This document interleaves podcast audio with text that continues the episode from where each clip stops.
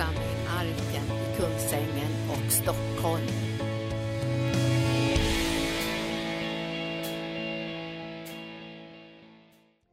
Vad allt stämmer när man är en själ och ett hjärta, hörni. Vad härligt det var, Anita. Tack. Vi är i samma spår. Och när Torbjörn predikade häromdagen så var vi i samma spår. När Gunnar predikade häromdagen var vi i samma spår. När Linda predikade häromdagen var vi i samma spår. Vi bara uttrycker det lite olika beroende på att vi är olika personer, olika personligheter. Så jag kommer att gå i den här fåran också idag. Det är väl någonting som ligger där i anden som Gud vill ha ut inför 2018 att vi är sändebud, att vi är budbärare. Det är det som jag ska, ska tala om. Vi har varit i julfirandet och nu har vi nyårsfirandet. Och de här olika högtiderna, nyår är ju inte det är ju mer en, en tidsaspekt att året är slut. Men så har vi de här andliga högtiderna. Vi har varit i julen. Och det finns ju, eh, man behöver ju veta vad som egentligen är orsaken till julen. Vad är orsaken till påskfirandet? Vad är orsaken till olika saker som vi firar? Jag var ju ofrälst i 35 år och hade ingen aning om varför man firade jul. Mer än att det var grundat på traditioner och att, att, att det var mest ett elände tyckte jag att se min mamma slita ut sig på, på julen och, och bli en sån här julmartyr, ni vet, i fel bemärkelse. Och eh, när jag blev frälst, så när uppenbarelsen kom om varför vi firar jul, så var det så starkt och det blev så meningsfullt. Alla de här, det finns ju några sådana här eh, verkligen historiskt, andligt historiska, livsavgörande händelser. Och det, självklart är ju skapelsen den första stora händelsen, när Gud skapade himmel och jord. Och så har vi julen, när Jesus föddes en otroligt stark andlig eh, händelse. Och så har vi påsken med Jesu död och Jesu uppståndelse. Och då behöver man veta i vilket skeende är vi nu historiskt sett. Var befinner vi oss nu? Och vi läste ju under julen här Lukas evangeliet kapitel 2, julevangeliet, där det står om att änglarna kom med bud om en stor glädje till hela folket. Änglarna kom med bud om en stor glädje till hela folket. De var sändebud. Jag tänker tala idag utifrån Jesaja 52.7. Att vi är budbärare, vi är sändebud. Och det, det jag tycker det är det spåret väldigt mycket som, som vi ligger i nu i anden, att Gud sänder ut oss. Vi är budbärare. Och det första vi behöver veta är ju att vi är budbärare. Att vi är sändebud. Och sen bör man veta, vad är vi bärare av då? Vad är det vi ska gå ut med? Vad är vi utsända med? Vad bär vi för någonting med oss? Om vi läser i Jesaja 52, vers 7. Hur ljuvliga är inte glädjebudbärarens fotsteg när han kommer över bergen och förkunnar frid bär fram goda nyheter och förkunnar frälsning och säger till Sion, din Gud är konung. Hur ljuvliga är inte glädjebudbärarens fotsteg. Du Linda var inne på det här ordet också när du predikade. Glädjebudet, glädjens budskap. Vi är bärare av glädje glädje. Och här var det änglarna som vi läste i Lukas 2, att det var änglarna som var, som var sändebudet. Men vilka sänder Gud idag? Jo, änglarna arbetar nog febrilt i andevärlden, de har nog att göra. Och visst sänder Gud någon ängel ibland för att liksom väcka upp någon och, och så vidare. Men framförallt så sänder han ju dig och mig, han sänder oss människor. Vi är sändebuden, vi är budbärarna och vi är bärare av glädje. I Psaltaren 30 och 12 så står det att han har klätt av oss sorgedräkten och han har klätt oss i vad då? Jo, glädje. Glädje till fyllest. Och om de var glada änglarna och vissa var glada när Jesus föddes, så tänkte jag i morse sådär, vi är ju trippelglada egentligen. Vi kan ju göra en sån här trippelsaltomotar, heter det så? Mina barn blev livrädda när jag tänkte stå på händerna och visa att jag kunde det fortfarande, men de bara skrek, mamma du är 60 år, sluta! Okej då, sa jag. Men i själen och i anden kan jag ju både stå på händer och göra trippelsaltomotarer och göra volter och allting av glädje. Vi är glada att Jesus föddes till den här jorden. Vi är glada faktiskt att han gjorde uppdraget att dö på korset och bära varje synd och bära varje sjukdom. Det var ett lidande som ingen av oss, kunde för, eller ingen av oss kan föreställa sig. Men vi är glada. Vi är otroligt glada att Jesus gjorde det. Att han, han lät sig sändas till den, här, till den här jorden. Och att han genomförde uppdraget. Det fanns ju vissa som försökte hindra honom på vägen att fullborda uppdraget. Och han fick säga åt dem för att de förstod inte skeendet i anden och förstod inte uppdraget. När han fick säga åt dem, tig Satan. För han visste vad som var nedlagt i honom.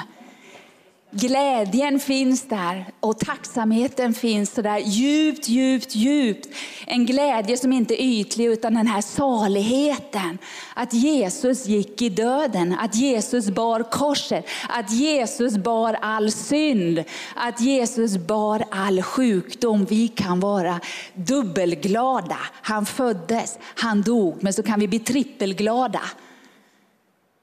Vi kan bli så glada för han uppstod på den tredje dagen. Han uppstod på den tredje dagen och det är därför vi är glädjebudbärare. För att Jesus lever idag. Är ni glada? Jesus lever idag. När jag var ofrälst under alla de här åren och var ute och åkte med min mamma och pappa i bilen, utan bilbälte var det på den tiden. Och så tittade jag upp på, på bergs, bergen och på kullarna ibland. Så var det de som hade skrivit, kommer ni ihåg det? Jag vet inte om det finns fortfarande, med röd tjock text över bergen. Jesus lever. Det var ganska häftigt. Jag fick i alla fall se den predikan. Jag hörde inte någon predikan, eller annars var jag lomhörd under de här ofrälsta åren. Men jag såg den här texten, Jesus lever. Och det är därför vi kan vara glada idag, för att Jesus lever idag. Herren är densamme idag som han var igår och som han kommer att vara i evighet. Och vi kan fröjda oss på djupet. Han föddes, han kom till oss, han kom för att uppenbara vem Fadern är. Och han gjorde uppdraget fullt ut, han dog på korset, han bar all synd. Han, han tog allt mörker på sig, all djävulskap, allt som har varit, allt som är och allt som kommer.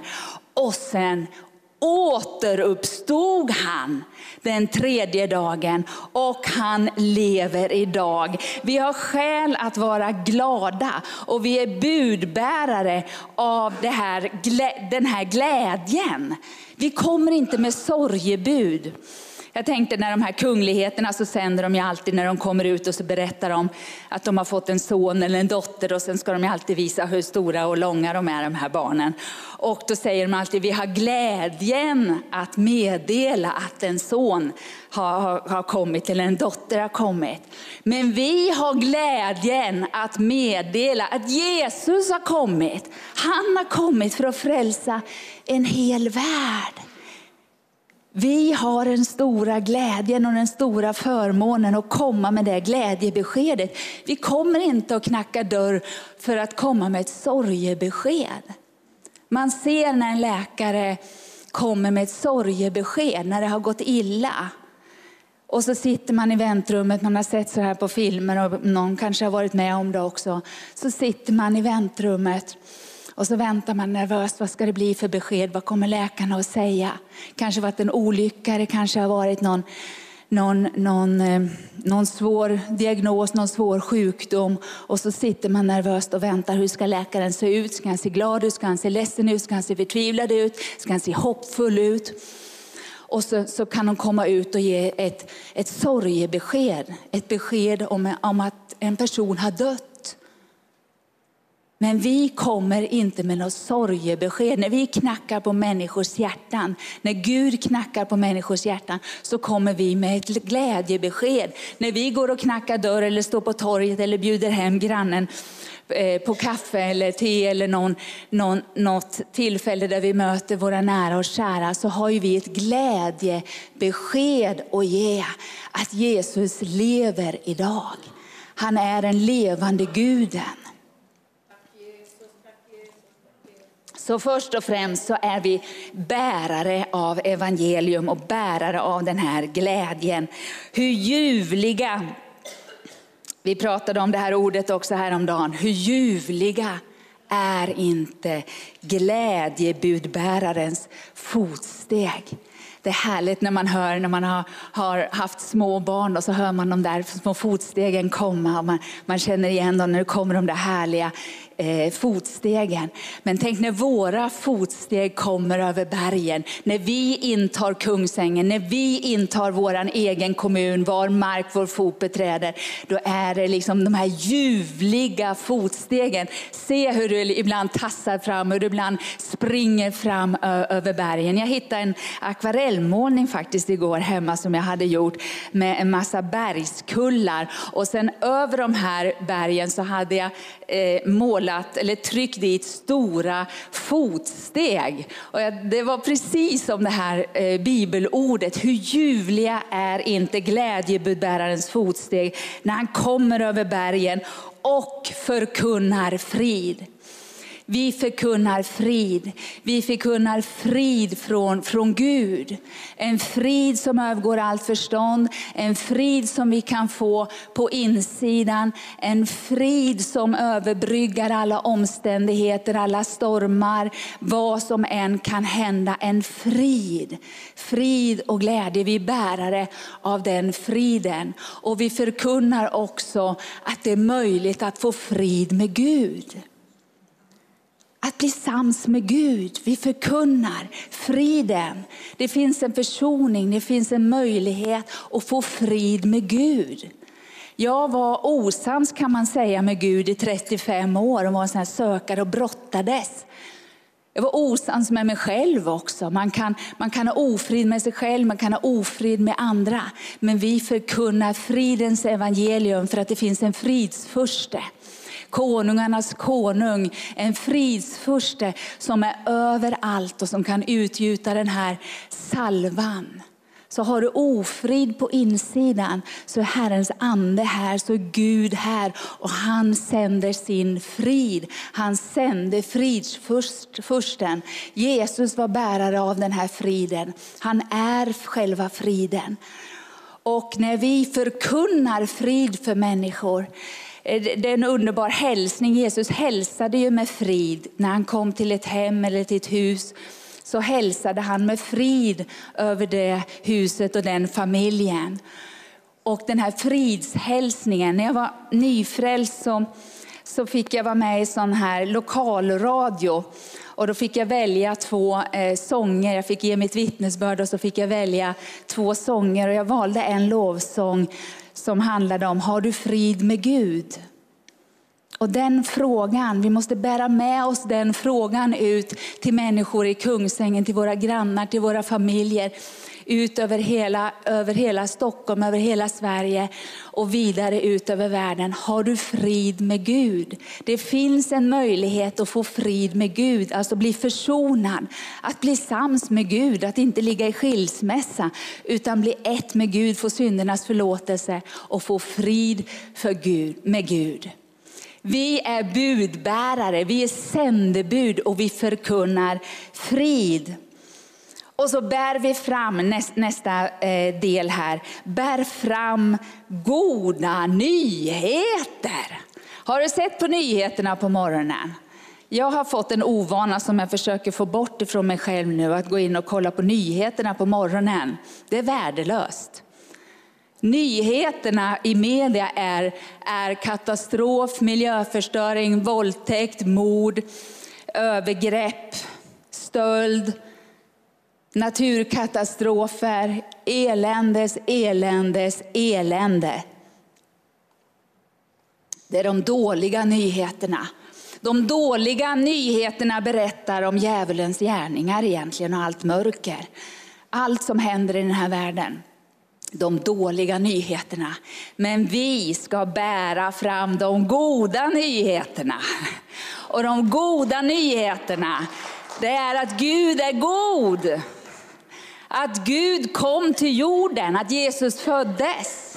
Att han kom med glädje, han kom med frid, han kom med försoning. De goda nyheterna är att Gud är god. Säg det en gång, Gud är god. Han är så god, så god, så god, så god. Gud är god. Han är alltigenom god. Jakob 1 och 17. Idel goda gåvor kommer ifrån himlaljusens fader, där det inte finns någon växling mellan ljus och mörker. Utan bara idel, ideligen, ideligen, ideligen. Han kan ingenting annat än att vara god. Han är kärleken. Han inte bara förmedlar kärleken, utan han är kärleken. Fadern säger, jag är kärleken. Han är full av nåd och sanning. Han är full av barmhärtighet. Han är full av, av, av frid. Han är full av kraft att göra de goda gärningarna. Jesus kom ju för att uppenbara Fadern. Och genom Jesu gärningar så kan vi se att Jesus är god. Jesus gick omkring och gjorde vad då? Han gjorde gott. Han gjorde inte ont bland människorna, han gjorde gott. Ibland så har man det där uttrycket, ja, men det där smakar gott, det där gjorde gott in i mitt liv. Och ibland så säger man, det där gjorde ont in i mitt liv. Det är någon som sticker till, någon som gör en ont på något sätt. Men Jesus gjorde aldrig det. Fadern gjorde aldrig det. Han gjorde bara gott, gott, gott. Sen kanske vi uppfattar ibland att, att, att det kan bli svårt och vi kan ha bävan och vi kan gå igenom nålsögon. Och, och livet är inte alltid lätt. Livet är sannerligen inte alltid lätt, det kan vi vittna om allihopa. Men Gud är god. Gud är kärleken och de goda nyheterna som vi är bärare av. Och vi måste starta liksom en moteld mot allt det här som är, är i media där man bara blir proppade och propp, eller propp, mer och mer proppfull av det negativa, av djävulens alla gärningar. Visst behöver vi kika på tv ibland, visst måste vi hålla oss ajour med vad som, som händer i världen och så vidare. Så vi också kan vara där med den här motelden och vi kan be. Man får böneämnen så det dånar om man tittar på, på media. Och vi får starta den här motelden. Vi går mot strömmen. Och så berättar vi de goda nyheterna. Gud är god. Och de nyheterna får vi bära ut. Så, så trist det vore, vad jobb. Tänk om Gud hade sänt oss iväg med dåliga nyheter. Så skulle vi gå där och knacka dörr och så skulle vi gå där. Ja, vi har ett sorgebud. Vi har ett sorgebud, vi är sändebud för sorgen. Och vi har bara dåliga nyheter. Och så ska vi gå där och knacka dörr och vara livrädda att någon öppnar för vi måste berätta om de dåliga nyheterna. Men vi kan ju glädja oss och vi kan knacka dörr och vi kan bjuda in grannar och vi kan ropa ut frihet för de fångna. Vi kan predika frihet, vi kan predika det goda budskapet, vi kan förkunna frid. Och vi är bärare av alltihopa. Vi är bärare, inga tunga bördor. Din börda är lätt, ditt ok är milt, säger, säger ordet. Och det är med lätta steg, det är de här ljuvliga budbärarens steg. Hur ljuvliga är de inte? Ser ni hur vi har hindens fötter och vi bara liksom fjong, fjong, fjong från det ena bergstoppen till det andra. Man kan ha flera varianter att bemöta bergen. Man kan tala till bergen och att de häver sig i havet. Man kan gå rakt igenom bergen som Jesus gjorde. Han gick igenom väggar och han gick igenom berg. Men man kan studsa över bergen också och hoppa och använda dem som trampoliner nästan. Så lätt ska det gå när vi ska föra ut evangelium till Kungsängen och våra grannar. Vi ska bara tänka att det kommer att gå lätt. Det är en banad väg. Det här har Gud förberett att vi ska inta. Han har gett oss Upplandsbro kommun. Han har gett oss Stockholm med omnejd. Men först närområdet tror jag. Först det som ligger närmast det som Gud har gett oss. Ibland så blickar vi bara långt fram och så vill vi liksom ta ett känguruhopp ut i världen. Men Gud har gett oss Kungsängen här. Den här marken, var mark vår fot beträder är vår. För Gud har gett oss Upplandsbro och vi ska vinna Upplandsbro, Helena. Vi ska vinna Upplandsbro, halleluja! Och så kan jag säga varje namn om jag kunde alla era namn. Det är en dröm jag har att lära mig alla namn också, men det är ett sidoprojekt. Gud kallar oss vid namn och han sänder oss ut som budbärare. Och jag tror att det här året så ska vi ut med evangelium och vi ska förkunna frid och vi ska bära fram de goda nyheterna att Jesus lever, lever idag. Och sen det, den sista strofen här, förkunna frälsning. Vi ska förkunna frälsning. Vi ska tala om att det är möjligt att bli frälst. Idag är frälsningens dag. Vi förkunnar inget, inget lyckorus. Vi, vi håller inte på och går ut och bär fram liksom lyckopiller. Det är inte det som är frälsning. Sen kan man bli salig på köpet, så kan man bli lycklig på köpet och så kan man få favör på köpet. Det liksom följer med. Men vi förkunnar frälsning. Vi förkunnar räddning för var och en som, som tror på Jesus kan bli frälst idag. Vi talar om hur lätt det är att bli frälst, att Jesus gjorde allt det här svåra, det ofattbara, tunga, svåra, vidriga som han gjorde på korset. Och så talar vi om att det är lätt att bli frälst. Det är otroligt lätt att bli frälst. Det är bara egentligen att säga ja tack till Jesus. Vi är frälsningspredikanter, vi är budbärare, vi sänder bud och vi förkunnar frälsning, vi predikar frälsning. Vi förkunnar inte dom. Vi är inte domspredikanter, vi är frälsningspredikanter. Frälsning betyder ju frikännande från dom. Eller ibland säger man att måste predika mera dom, det måste finnas mera domspredikanter kan man höra någon säga. Nej, nej, nej, nej, nej. Vi behöver frälsningspredikanter eller frälsningssoldater i andlig bemärkelse. Vi behöver förkunna frälsning, att vi kan bli frikända från domen att Jesus bar domen, att Jesus bar all skuld, att Jesus bar fattigdomen som vi hörde, att Jesus bar all synd, allt mörker, all sjukdom, allt, allt, allt ifrån mörkrets rike. Det bar han. Och domen är vi befriade från, var och en som tror. Ska vi läsa Johannes 3 och 16?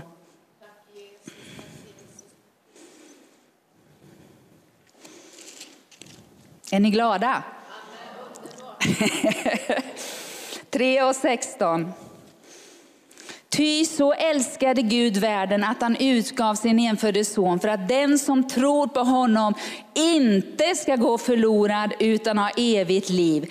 Inte sände Gud sin son till världen för att döma världen utan för att världen skulle bli frälst genom honom.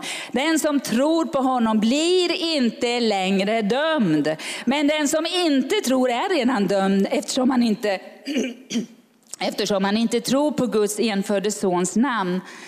Och detta är domen. Ljuset kom till världen och människorna älskade mörkret och inte ljuset eftersom, hans, eftersom deras gärningar var onda. Men den som tror på honom blir inte dömd, står det i vers 18. Men den som inte tror är redan dom, dömd. Hela världen står under, under straffet, under domen, under skulden och är skuldbetyngd och dömd. Men för var och en som är i Jesus Kristus finns det ingen fördömelse. Romarbrevet 8.1. Det finns ingen fördömelse för den som är i Jesus Kristus. Det finns ingen dom för den som är i Jesus Kristus. Och vi predikar frälsning, det är det som är evangelium. Jag hörde någon som sa eh, att man kunde eh, jämföra evangelium och frälsning med ett lyckopiller. Att vi går omkring och, och knackar dörr och så delar vi ut små lyckopiller. Kom och bli frälst så blir du lycklig. Vi säger ju inte så, kom och bli frälst och bli förlåten. Kom och bli förlåten. Herren inbjuder till förlåtelse från dom, från synd, från allt som, som tynger. Den eviga döden, den eviga förtappelsen eller vad vi vill sätta för, för namn på det här eller beskriva det. Kom och bli frälst, kom och bli frihalsad. Frälsning betyder räddning och det fanns en snara omkring oss, eh, omkring oss innan där domen liksom låg som en snara och vi visste att vi skulle gå förlorade. Eller inte visste det, men oavsett så fanns snaran där. Men när vi blev frälsta så blev vi frihalsade. En förklaring på frälsning, vi är frihalsade. Vi kan andas. Vi är fria. Vi är fria, vi är glada, vi är fria och vi är fyllda av Guds frid. Och även om man inte känner den här friden alltid så är den där i alla fall. Även om man inte känner glädjen alltid så är den där för att Jesus är där.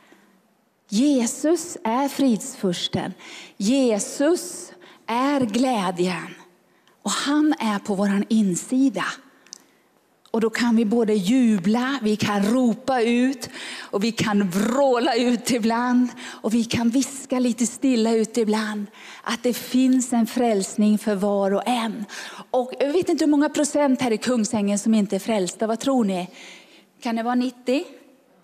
En hög procent som ännu inte känner Jesus. Jag gjorde ett beslut när jag blev frälst den 23 april 1993 klockan 10.58 när jag fick förkunnat evangelium för första gången i Svenska kyrkan i Hedemora av en andefylld Gunnar. Jag säger att det finns två nådespredikanter, en heter Gunnar Hälleby i Hedemora och en heter Gunnar Berling, så finns det nog några till också.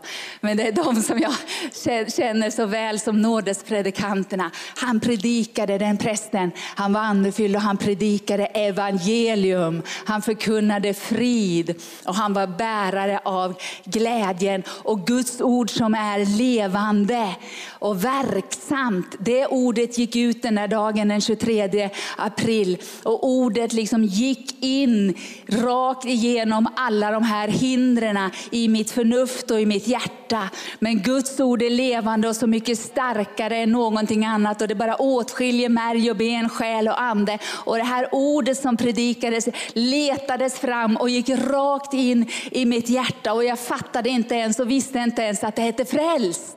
Men frälst blev jag. Och tårarna började rinna på mig.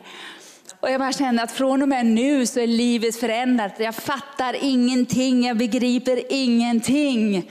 Men frälst blev jag. Och så var det lovsångsmöte på kvällen och jag hade aldrig varit med om lovsång i hela mitt liv. Jag kommer inte från någon frälst familj och där det har sjungits någon lovsång någonsin och lovsången gör. Och genom lovsången så mötte jag Jesus. Frälst blev jag genom ordet som förkunnades. Men förälskade Jesus och det här riktigt starka personliga mötet fick jag i lovsången. Och jag blev som spritt språngande galen. Jag kände bara att från och med idag är mitt liv totalt, totalt förändrat, förvandlat.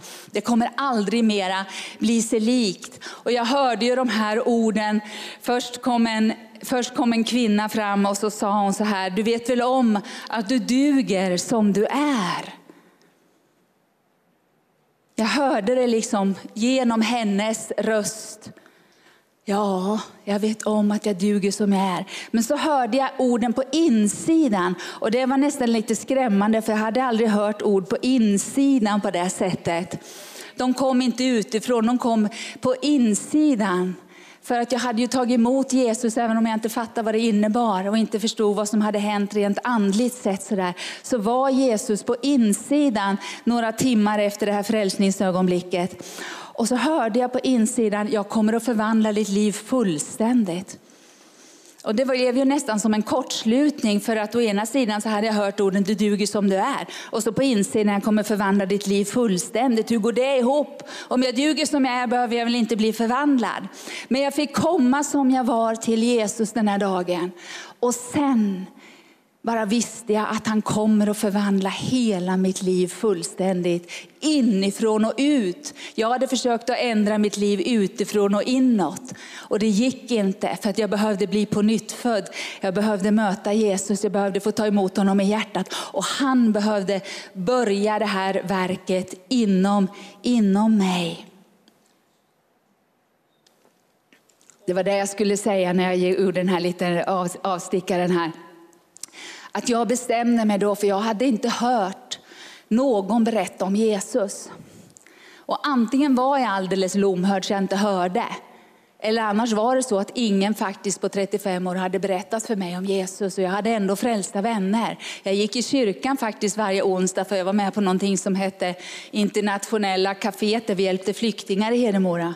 Och vad jag minns så hörde jag aldrig någonting om Jesus. Antingen så gick det inte in för att jag hade proppar i öronen. Eller annars så var det så att ingen berättade för mig om Jesus. Och då gjorde jag jag blev nästan arg först. Så där, att jag nästan gick runt och anklagade dem. Varför har ni inte sagt någonting? Varför har ni inte berättat för mig? Ni kände ju honom och ni känner ju honom. Ni vet ju att det finns ett liv att leva även för mig. Och jag var ingen sån människa som låg i dikesrenet. Jag var ganska lyckad då. Jag tyckte livet var på topp när jag blev frälst. Jag var lyckad i karriären, jag jobbade som gymnasielärare och jag liksom tänkte att ja, men så här bra har ju livet aldrig varit. Så jag låg inte i dikesrenen, men jag behövde frälsningen. Jag var precis i samma behov som varenda syndare i den här världen, behov av frälsning. Så jag nästan anklagade dem först, varför har ni inte sagt något? Och sen blev jag också så förundrad, hur kunde ni vara tysta? Hur kan man klara av att vara tyst när man är helt vild? Jag kunde inte hålla truten en sekund. Jag som var försagd, jag som var blyg. Jag for ut på gatorna, eller sprang ut på gatorna, för man åkte inte bil i Hedemora. Man gick och man cyklade. Och ut med barnvagnen och så gjorde jag de här heliga andeturerna som jag kallar för. Nu heliga ande, nu går vi ut och går och så får vi se vem jag möter i gathörnen. Och så fick jag berätta om, om Jesus. Och jag gjorde ett beslut då att jag, kom, jag får inte bli tyst. Men så går åren och så tystnar man lite ändå. Och så blir det lite slentrian och så blir det lite vardag. Och så, och så eh, blir det det här som vi sa med, med, blicken, att det blir lite smolkigt på något sätt. Och sen så, så tappar man udden och så tappar man lite sälta. Och jag känner en sån brand inom mig. Jag känner en sån iver och jag tror att Gud lägger ner den här ivern i oss i församlingen nu. Att vi måste berätta. Vi får inte vara tysta längre. Vi måste ut på torgen, vi måste tala med våra familjer. Vi måste berätta. Det blir det här, inte måste som känns som en pålaga. Ach vad jobbigt, nu måste jag där också gå med dåligt samvete. Utan den här branden som bara brinner på insidan. Jag kan inte längre vara tyst. Vi måste få förkunna friden. Vi måste få bära fram de goda nyheterna. Vi måste förkunna frälsning i positiv bemärkelse. Förstår ni det måstet? Har ni känt det när Kristi kärlek driver en? När Kristi kärlek tvingar en att, att bara få, få dela med sig. Och julen handlar ju väldigt mycket om att dela med sig, men hela året handlar om att dela med sig. Jag ska läsa ett par bibel, bibelord till innan vi, innan vi ska be. I Lukas 4 undrar om, eh, har ni spelat den lovsången någon gång, Ursula och Thomas, att vi ska predika? Eh, vi ska predika. Vi hade några år på eh, gamla arken, de kommer de här gamla sångerna igen nu, där vi började sjunga Vi ska predika. Och vi sjöng det möte efter möte, så det var som att vi profiterade ut det där. Så sen när Patricia, vad heter han, nej, um, ja, det kom en gästpredikant till oss i alla fall. Och så frågade hon att, och skulle kalla fram alla som hade predikokallelse. Och hela församlingen rusade fram. Men det är tid för det igen. Att rusa fram, för vi har en predikokallelse var och en på olika sätt och vi har fått olika områden. Och då eh, var det det här ordet också ifrån Lukas 4, vers 18. Herrens ande är över mig, ty han har smort mig till att predika glädjens budskap för de fattiga. Han har sänt mig för att ropa ut frihet för de fångna och syn för de blinda och ge de betryckta frihet och predika inte en domens år utan ett nådens år ifrån Herren. Han har smort oss. I Johannes 20 och 21 så står det som Fadern, Jesus som säger, som Fadern sände mig, sände jag er. Som Fadern sände mig, säger Jesus, så sänder jag er. Jesus sände ut de tolv och han sände ut de 70 och han fortsätter att sända ut tusen, tiotusen, hundratusen. Han sänder ut miljoner människor för att predika ett nådens ord och ropa ut frihet från, från de fångna frälsning. Det finns frälsning för var och en. Vi förkunnar ren frälsning, att Jesus har tagit domen. Vi är inga domspredikanter. Och ibland så brukar jag ha det här uttrycket att vi är människofiskare och vi är kallade att fånga fisken, inte att rensa fisken. Gud gör helgelsen, Gud gör reningsprocessen, Gud förvandlar insidan. Vi har bara kallelsen, tack och lov. Rensa fisk är ju, för mig i alla fall, så här. Uh, blä. Vi behöver inte hålla på med några, gå ut med pekfingrar och rensa fisken och tala om att folk ska rena sig och folk ska göra si och folk ska göra så. Det sköter Herren. Vi är människofiskare, vi ska fånga fisken. Visst är det skönt? Vi är de som har fått näten, vi är de som ska kasta ut näten. Och vi får kraft att också dra in näten. För många gånger så tror jag att vi har kraften att kasta ut näten. Kasta ut fiskespöet. Shop, vi bara kastar ut en krok. Och så får vi napp. Och så ser vi, det är napp, det är fullt i näten. Men vi har inte kraften liksom att veva in, veva in fiskespöet, veva in fisken eller dra upp näten. Ni vet när Jesus sa kasta ut näten på andra sidan, de fick ingen fångst. Och så sa Jesus till lärjungarna, ja, men pröva på andra sidan. Och de fick så fulla nät, de fick sån fångst. Och sen fick de sån fångst så att det vart överfullt. Och jag tror att vi har ju fått profetiskt Eh, i, i, angående den här lokalen, att varje stol ska det sitta någon. Det finns fler tomma stolar än vad det finns fyllda stolar i det här rummet just nu. Men vi kommer att få se människa efter människa efter människa hitta vägen till Jesus Kristus och också hitta vägen till församlingen, ett andligt hem. Där man får beskyddet, där man får fostras och där man får slipas och där man får rustas och där man får bli mättad och där man får dricka av, av Guds, Guds ande. Jag ska ta Romarbrevet 10 också.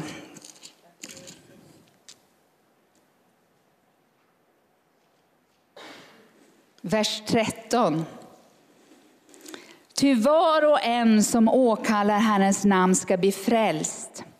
Men hur skulle de kunna åkalla den som de inte har kommit till tro på?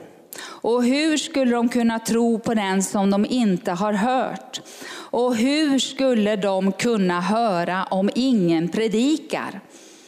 Och hur skulle några kunna predika om de inte blev utsända? Det står skrivet, hur ljuvliga, här har ni det igen, hur ljuvliga är inte stegen av dem som förkunnar det, bo, det goda budskapet.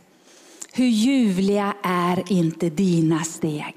Hur ljuvliga är inte församlingen Arkens steg eller om du eh, är eh, gäst och kommer någon annanstans och från någon annan ort så, så är det de bergen där du hör hemma, där du kommer gå med dina steg. Men hur ljuvliga är inte våra steg. Tänk vilken ljuvlighet, vilken atmosfär. Vi kan ändra hela klimatet i Upplands Bro. Vi kan förändra hela tillståndet i andevärlden som sen blir synligt. Det börjar i andevärlden och sen blir det synligt i det fysiska. Hur ljuvligt kommer det inte bli i Upplands Bro i Kungsängens kommun? Hur ljuvligt kommer det inte att bli? Hur ljuvligt som helst när vi kommer som budbärare av glädje, när vi förkunnar frid, när vi bär fram de goda nyheterna. När, när vi predikar frälsning, förkunnar frälsning, så att var och en som tror på Jesus kan bli frälst. Att det är lätt. Tänk om jag skulle svänga på procentsatsen, så att 90 procent blir frälsta istället och vi har bara 10 procent kvar tills vi har nått hela Upplandsbro. Tänk att det är möjligt för att Gud säger det. Det är möjligt att nå varenda kotte, varenda själ, varenda människa i våran kommun. Förstår, ska vi bryta lite tankebyggnader att det inte är möjligt? Det är möjligt att nå ut med frälsning. Det är möjligt att varenda stol här kan vara befolkad med en människosjäl, med ett människobarn, med ett Guds barn. Tänk att det är möjligt att Gud sänder oss. Det vet vi. Men är det sen möjligt att det faktiskt blir som han säger? Att vi ska nå hela världen, att vi ska nå våran värld. Och våran värld är Upplandsbro kommun. Och sen kan vi sträcka oss efter det där. Men om ingen, om ingen sänder, jag tänkte pastorerna ska få smörja oss, äldste kan vara med och smörja så att sända ut.